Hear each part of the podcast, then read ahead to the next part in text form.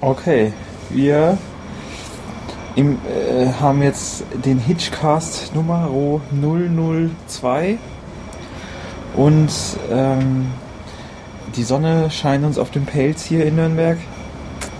Wir sitzen wieder in unserem Hinterhof, äh, auf unserem Hinterhofbalkon. Sehr Hitchcock-mäßig eigentlich, wie man schon in der letzten Folge gehört hat. Aber heute sprechen wir über. Über? Über? Über? Welchen Film haben wir gesehen? Äh, jetzt muss ich den Titel nochmal nachschauen. Berüchtigt, Notorious. Notorious. Oder wie er in den äh, 50er Jahren in Deutschland hieß Weißes, Weißes Gift. Gift. Aber darauf kommen wir nochmal später. So, der Film ist von. Äh, wann ist der ganz genau? Welche Jahre? Ich glaube 46. Von 46. Und in den Hauptrollen sind äh, Cary Grant und Ingrid Bergmann. Und ich glaube, wir fangen mal an mit so einer kleinen Summary irgendwie, worum es genau geht. Es ist ja einer der nicht so, ich sag mal, dieser späteren Hitchcock-Klassiker aus den 60ern. Aber trotzdem 70ern. sehr gut. Ja klar, er zählt, wie ich mal gehört habe, einer zu Hitchcocks Lieblingsfilm auch selber. Und äh, es ist ein So eine Mischung aus Thriller und Liebesgeschichte. Eine Agentengeschichte, die ähm, damit beginnt, dass ein deutscher Nazi-Spion vor Gericht gestellt wird und dessen Ne, warte mal ganz kurz, das war ein, ich glaube, ein Überläufer, ne? Oder ein, ein, ein Amerikaner, der zu den. Nee, Quatsch. Nee, Es war ein Deutscher, der mit seiner Familie in Deutschland war und ist aber dann, ist da quasi länger gewesen, aber hat dann quasi während des Zweiten Weltkriegs so zu den Nazis irgendwie wieder Connection ich aufgebaut. frage mich hat. gerade, woher du diese Informationen haben willst. Habe ich mir jetzt mal zusammengesponnen. ja, okay, vielleicht später nochmal drauf kommen, weil es gibt so Anzeichen dafür. Jedenfalls ähm, ist die Tochter, ähm, wollte davon nichts wissen und ähm, hat eher größere Sympathien äh, zu den Amerikanern? Und ähm, macht Bekanntschaft mit einem amerikanischen Agenten oder auch ähm, Spion, der mit ihr gerne äh, eine ja, Mission unternehmen möchte, beziehungsweise er möchte sie ja, ähm, dafür benutzen, ähm, einen Freund ihres Vaters zu bespitzeln. Und- ja, es ist, sie ist ja auch so ein bisschen so ein Partygirl, ne? Ja, stets betrunken, würde ich sagen. Der, es ist ein, ein, ein Hauptaspekt von ihr ist, dass sie wohl sehr gut an der Flasche ist und immer so teils betrunken irgendwie Auto fährt und äh, immer sehr gut dabei ist. Und dieser Cary Grant äh, spielt einen. Welche Organisation das jetzt wirklich ist, wird nicht gesagt, ne? Das ist wahrscheinlich amerikanischer Geheimdienst, würde ich jetzt mal. CIA, Ja. schätzungsweise. Ich hoffe, den gab es doch schon, aber will ich jetzt nichts Falsches erzählen. Auf jeden Fall ist es so, dass er ihr das Angebot macht, äh, in einer Mission. Apropos äh, Betrunkenheit am Steuer, da soll es einen so einen Vorfall gegeben haben bei dem Dreh dieser Szene, wo sie ähm, mit 80 Miles Hour irgendwie die Landstraße runterbrezelt, ähm, wo, wo sie dann von einem Motorrad, äh, ja, von einem Polizist auf Motorrad irgendwie angehalten wird. Und äh, Hitchcock soll den Kameramann äh, Ted Tetzlaff dazu angeleitet haben, dann noch ein paar Scheinwerferlichter auf ähm, die Schauspieler zu richten, damit es ähm, deutlicher wird, dass sie da verfolgt werden. Und dann soll dieser Kameramann äh, sich erdreistet haben, zu sagen, na Papa, wir interessieren uns wohl auch für Technik. Naja, weil das war damals wohl nicht üblich in Hollywood, dass der Regisseur in der Kameratechnik mit äh, äh, eingestiegen ist und darum erzählt hat, sondern das war allein eine Sache des, des Kameramanns. Und dieser äh, Aber es ist Kameramann. jedenfalls auch der letzte Film, den er mit Hitchcock gemacht Ja, hat. ich glaube, das war allgemein sein letzter Film als Kameramann, weil er ist dann Regisseur geworden. ne? Das ist eigentlich ganz witzig. Okay, äh, wo waren wir? Genau, der Cary Grant, der, der macht ihr ein Angebot und sagt, ähm, es sind halt ähm, viele Nazis, Deutsche äh, nach Brasilien ausgewandert. Geflüchtet? Ge oder geflüchtet und äh, sind da irgendwie, sie bräuchten ein paar Informationen. Das sind auch die Leute, mit denen ihr Vater zusammengearbeitet hat, der ja verknackt worden ist. Und ähm, sie will darauf erstmal gar nicht eingehen und er beharrt dann halt auf ihren Patriotismus, äh, den sie erstmal versucht abzuwiegeln. Und äh, ähm, genau. Und spielt ihr dann quasi, um sie zu überzeugen, ein, ein, ein eine Aufnahme vor, sehr witzig. Auf einer Schallplatte. Auf einer Schallplatte. Die haben irgendwie das, ihr Haus verdrahtet und haben dann halt auf der Schallplatte das dann aufgenommen. Und wo sie dann darauf beharrt, ja, ich bin doch hier aufgewachsen in Amerika, ich fühle mich viel amerikanischer als jetzt da Deutsch und ich will damit nichts zu tun haben. Und ähm, sie soll in eine äh, Geheimdienstmission eingebunden werden, wo es darum geht, ähm, sich in diese Gruppe einzuschleusen, wo ihr Vater mitgearbeitet hat in Brasilien. So. Aber was die jetzt da veranstalten und was da los ist, wird erstmal nicht verrat, verraten. Ich glaube, das wissen die auch gar nicht selber und deswegen soll sie da ja ähm, einsteigen und sie wehrt sich erst, aber sagt dann auch zu. Ähm, jedenfalls äh, verliebt sie sich vorher nochmal schnell in ihren FBI, Agentin. wie auch immer, Geheimagenten. Wobei er ihre Liebe nicht so wirklich es ist unklar, inwieweit er die erwidert. Also es ist eher so eine. Ah, ich glaube schon, er steht schon auf sie. Ach ja. Der ist doch da so gleich irgendwie auch, der ist auch so ein bisschen angepisst da und so. Das Aber dieses Ich liebe dich bringt er nicht über die Lippen. Na gut. Jedenfalls, erst später. Ja, erst später. Jedenfalls ähm, überlässt er ihr dann die schwierige Entscheidung, äh, seine Chefs ähm, fragen sie nämlich, ob sie mit ähm, einem alten Bekannten ihres Vaters, ähm, Alexander Sebastian, äh, anbändeln würde, um in sein Haus zu gelangen und weitere Informationen über die sich dort befindende Bande rauszufinden. Wobei da siehst du schon, dass er schon in sie verliebt sein muss, weil er voll ausrastet, als sie ihm das sagen. Da ist da die Szene, wo er in diesem Büro ist. Und dann wird ihm gesagt, ja, sie sollte sich jetzt mal versuchen, da anzuschmeißen an den. Und dann, das findet er überhaupt gar nicht gut. Aber er traut sich auch nicht, was über seine Gefühle zu sagen. Na, ich glaube, da ist er zu sehr seinen Geheimdienstpflichten irgendwie aufgeschlossen.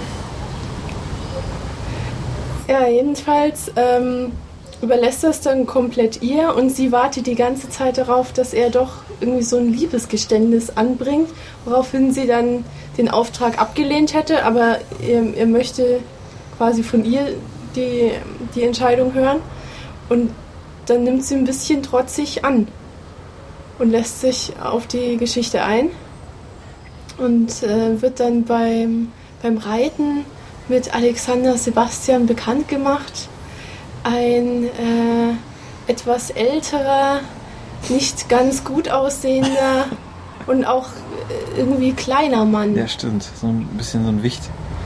So ein bisschen Hitler ohne Bart, eigentlich. Ich habe auch gehört, dass äh, für, für die Aufnahmen diverse Klötze im Einsatz waren und einmal bei so einer Aufnahme, wo sie von weitem auf die Kamera zulaufen, sogar ein falscher Fußboden eingesetzt wurde, damit er größer wird. der klassische Deutsche, würde ich mal sagen. Aber ähm, ja, es geht dann weiter, dass sie dann annimmt, das äh, den, äh, Antrag und sie heiraten. Sie hält aber nochmal Rücksprache mit den, mit den Amerikanern. Die sehen natürlich da ihre Riesenchance, äh, da die Information rauszupressen. Und sie zieht dann bei ihm ein und ist da platziert wo wir wieder bei so einem Hitchcock-Ding sind, äh, die eifersüchtige Mutter, die ja irgendwie in, ich weiß nicht, jetzt schon in den Filmen, die wir bis jetzt gesehen haben, dreimal in Die Vögel gibt es die eifersüchtige Mutter. Ja. Die, in Psycho natürlich, der Klassiker. Und in, und Notorious, ja. Und sie ist überhaupt gar nicht begeistert. Sie riecht auch schon so ein bisschen da den Speck und weiß halt irgendwie, äh, hat da Vermutungen und so. Und ähm, der, der äh, Sebastian, der denkt, ist eh schon so ein bisschen eifersüchtig auf den Cary Grant, mit dem sie da so ein bisschen sich öfters trifft, Ja, um sie genau. noch auszutauschen. Und ähm, ja, und dann fordert er auch tatsächlich ähm, dieses Beweise mir deine Liebe und äh, auch deine Abneigung gegenüber diesem äh, gut aussehenden Cary Grant, was er sich auch nicht so ganz ähm, vorstellen kann. Und ähm, ja, nach einer sehr dramatischen Szene in diesem äh, Agentenbüro nimmt sie dann tatsächlich an und äh, Herr Sebastian hat es auch sehr eilig und will dann innerhalb der nächsten Woche heiraten auch. Ähm, wodurch äh, sie natürlich bei Cary Grant und auch den anderen Agenten ein bisschen ihr Ansehen verliert. Sie jetzt also sicher quasi zum Flittchen irgendwie machen lassen dadurch. Stimmt. Ja. Interessante äh, Story ist natürlich, dass der Cary Grant ähm, natürlich die Wichtigkeit seines Jobs und für sein Land dem seinen persönlichen Gefühlen Vorrang lässt. Und ähm, es läuft auf eine Party hinaus, äh, die sie veranstaltet, auf das ähm, äh, was der Cary Grant auch fordert. Sie, er, sie soll ihn überreden, den Alexander Sebastian, dass der eine Party veranstaltet, um sie da in die Gesellschaft einzuführen. Der wahre Hintergrund ist natürlich, dass sie an äh, einen Schlüssel für, für einen dubiosen Weinkeller gelangt. Ähm, ihr ist nämlich aufgefallen, dass alle Schlüssel im Haus ihr zur Verfügung stehen, nur dieser eine nicht. Und deswegen drängt sie auch, äh, wird sie auch gedrängt, ähm, das herauszufinden und sie inszenieren dann diese Party, um da, um da dran zu gelangen. Genau, und ähm, da gibt es ein bisschen Hickhack und sie schaffen es wirklich auch in diesen Weinkeller dann zu kommen. Haben erstmal ein bisschen Angst, dass es auffällt, weil sie merken, dass oben immer mehr Champagnerflaschen leer werden und der, äh, der Alexander Sebastian natürlich dann mit seinem Schlüssel runtergehen müsste, um neue Flaschen zu holen. Deswegen müssen sie sich beeilen, gehen in diesen Weinkeller, wundern Was sich. witzig ist, äh, dass Hitchcock selber mit dran beteiligt ist, die Champagnerflaschen zu, zu leeren, Stimmt. weil er da seinen Cameo-Auftritt Sein hat. berühmter Cameo-Auftritt. Einer der wenigen Filme, wo er zwei Cameo-Auftritte übrigens hat. Ja, bloß die erste haben wir irgendwie den Haben wir ersten mal wieder verpasst. verpasst ja. Auch wenn wir immer drauf achten, irgendwie verpassen wir es. Und die sind dann in diesem Weinkeller und äh, wundern sich, was da jetzt los ist, bis eine Flasche runterfällt und sie merken, dass da drin so komischer Sand ist, anstatt Flüssigkeit. Merken aber auch, dass die Zeit knapp wird, versuch, verschließen das mit einer anderen Flasche, irgendwie mischen sie dazwischen, dass nicht auffällt, dass die fehlt. Und ähm, ähm, also kippen den Wein aus einer anderen Flasche aus, füllen diesen Sand da wieder rein und stellen es wieder da in diese Reihe. Dann kommt noch der Alexander Sebastian gerade die Treppe runter und sie inszenieren eine Kussszene, wo es darauf hinausläuft, dass er äh, ganz eifersüchtig wirklich wird und äh, Und erstmal abgelenkt ist. erstmal so abgelenkt ist. Und ähm, ja, aber trotzdem riecht er irgendwie die Lunte und kann die Nacht nicht schlafen. Äh, geht am nächsten Tag unter den Weinkeller und fällt ihm natürlich auf, dass in der Reihe, die, die er chronologisch geordnet hat, die Weinjahre, dass auf einmal ein Wein dazwischen ist, der nicht reinpasst von der Jahreszahl. Und er sieht dann auch, dass das nicht richtig verschlossen ist, dass der Sand so ein bisschen fehlt. Ähm, Der, der Sand ist übrigens Uranium. genau, Ähm, das kommt dann später raus. Und, ähm, und er schmiedet dann einen Plan, wie er jetzt das Problem beseitigen kann, sprich seine Frau, und äh, äh, sagt dann seiner Mutter Bescheid. Und die kommen auf die Idee, die Frau zu vergiften, langzeitig mit äh, Arsen oder was war das? ja, mit Arsen. Und der Punkt ist, wo er ein bisschen Angst auch selber hat, weil diese Gruppe von diesen Menschen nicht zimperlich, also dieser, dieser Geheimbund oder was es da ist, äh, die da was planen, der geht nicht zimperlich mit Leuten um, wo sie, wo sie denken, dass sie Verräter sind oder äh, nicht in, in dem Interesse der, der Gruppe handeln, wo sie einfach Leute erschießen, die halt irgendwie die, denen suspekt vorkommen. Und er hat natürlich Angst, dass auffliegt, dass er daran schuld ist, dass er, dass, dass jetzt irgendwie das, äh, ihr Uran da auffällt und er eine Geheimagentin äh, geheiratet hat. Was auch interessant ist, ähm, wo du jetzt gerade das mit dem Erschießen gesagt hast, man sieht ja gar nichts. Also was man normalerweise von einem Agentenfilm vielleicht erwarten würde, tatsächlich irgendwelche Schießereien oder Folter oder was auch immer, dass, ähm, dass der Film relativ gewaltfrei ist, dass auch äh, ähm, dieser eine ähm, ja, dieser eine Mittäter, der da in Missgunst gerät, weil er sich zu lange zu sehr für diese Weinflasche interessiert, ähm, wird einfach quasi weggebracht, aber man ahnt, beziehungsweise nachher weiß man, dass er, dass er umgebracht wurde dafür, auch, auch wenn da jetzt gar nichts war.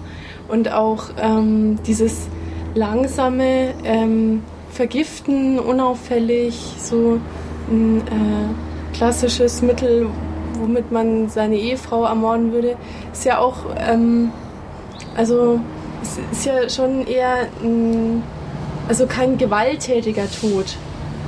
Das erinnert mich so ein bisschen an, äh, wie, wie die Russen da immer vorgehen, wie irgendwie diese Uranstäbe, die sie da in den Schreibtisch einarbeiten, um, damit die Leute halt langsam quasi grippieren und denen das nicht nachweisen können. So, das hat schon so ein bisschen diese Agentennummer irgendwie so langsam zu vergiften, nicht auch gleich vergiften, dass sie gleich tot ist, sondern dass sie quasi krank wird davon und daran stirbt.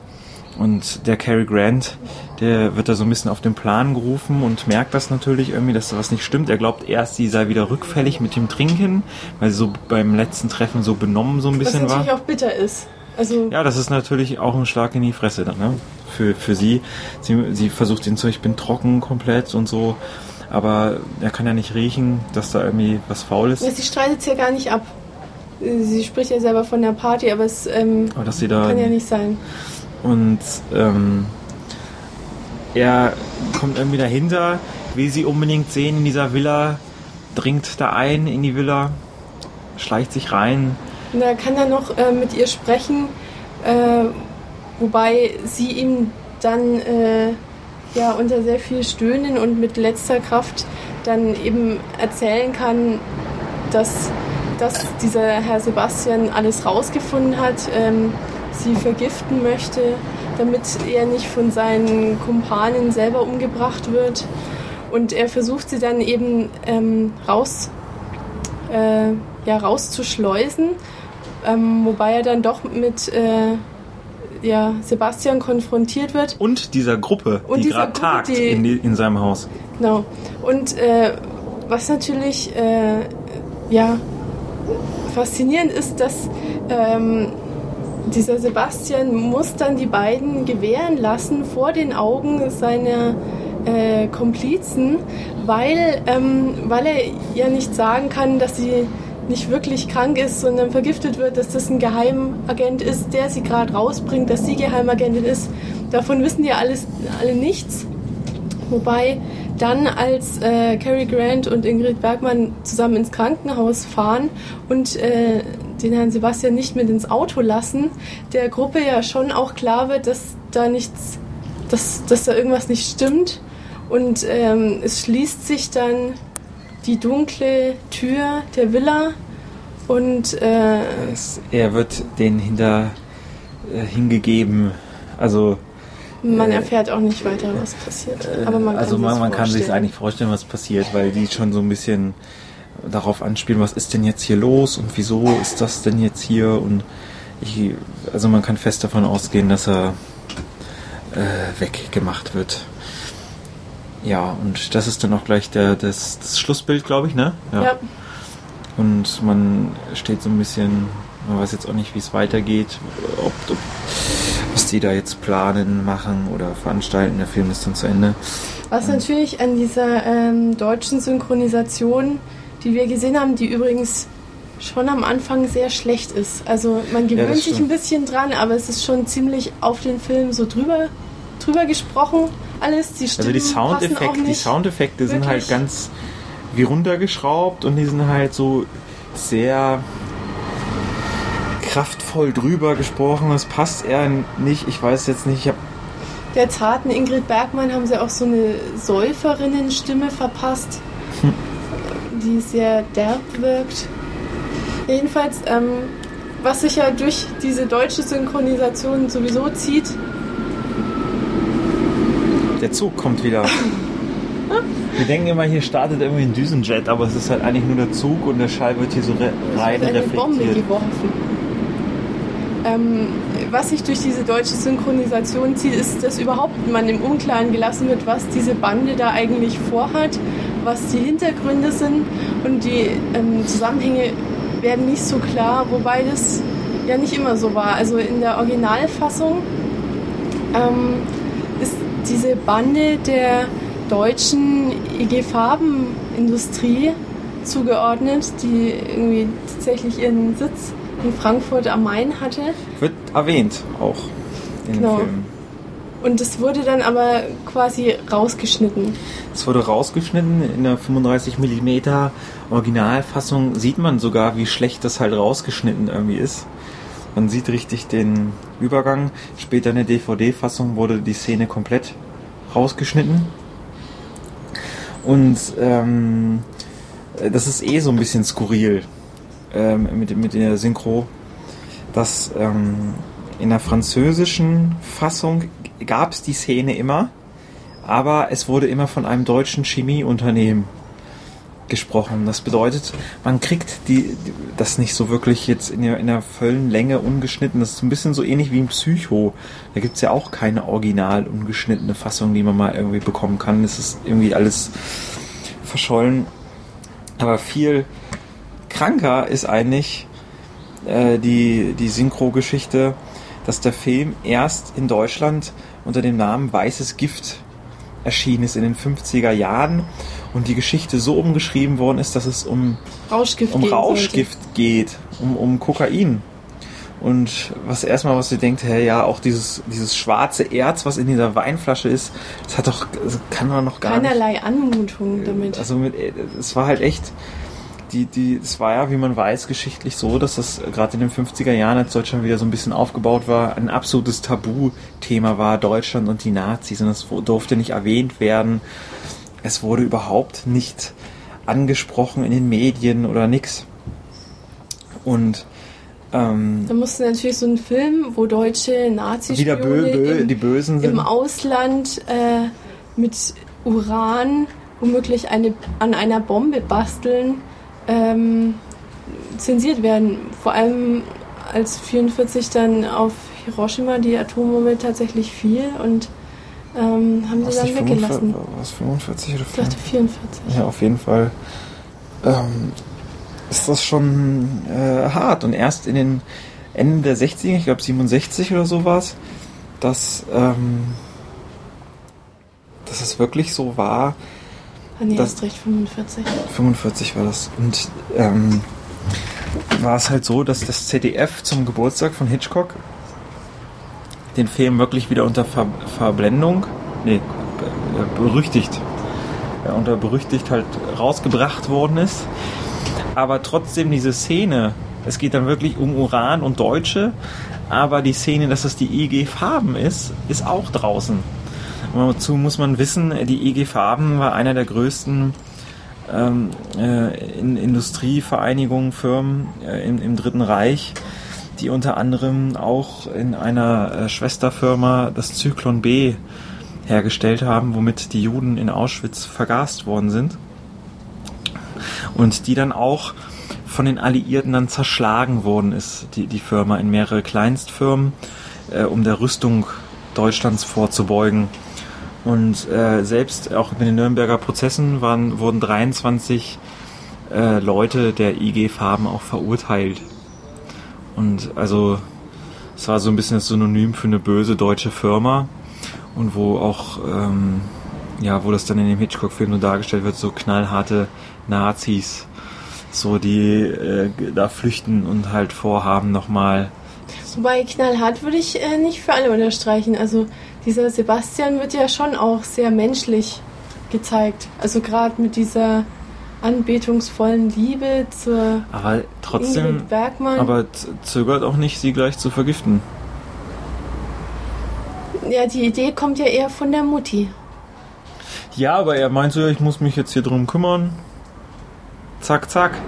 Ja, ich denke. Äh, ich glaube, er hatte mehr Angst vor seinen Kumpels, von seinen Nazi-Kumpels, als dass sie da jetzt was verrät. Das, darauf läuft es auch hinaus. Dass er eigentlich mehr Angst hat, dass er in der Gruppe auffliegt, als dass er vor Amerika auffliegt. Ja, aber es, äh, auf jeden Fall wird er schon als ein Mensch mit äh, starken Gefühlen und Zweifeln auch gezeigt. Also auch Selbstzweifeln gegenüber Cary Grant und so weiter. Und ich denke, dass er dann so schnell bereit ist, sie auch da auszuliefern, ist, äh, weil, sie, weil er ja auch betrogen wurde quasi. Ja, aber ich glaube, trotzdem ist dieses Bild der IG Farben, äh, das steht schon für sich. Eine große Firma von überzeugten Nazis, so wird es ja dargestellt, die nochmal so für den letzten Schlag nochmal irgendwie sich zusammenrotten im Ausland. Ne? So würde ich das jetzt interpretieren. Aber ähm, die Sache mit dieser Atombombe ist auch eine Geschichte für sich. Ja. Weil Hitchcock so eine kleine Anekdote auch ja, immer das verbreitet. Er gerne erzählt, ja. Äh, dass er, er hatte 44 mit dem Drehbuch angefangen zu schreiben und hat erstmal einen äh, Nobelpreisträger in Physik gefragt, ob das halt irgendwie möglich wäre mit Uran, weil in Brasilien wird der Uran abgebaut äh, und ähm, ob es möglich ist, eine Bombe zu bauen. Ob, da, ob, das möglich ist, eine Bombe zu bauen, weil so ein bisschen, er, er, die Grundidee war, wieso gibt es denn so viele Deutsche, die halt nach Brasilien ausgewandert sind? So.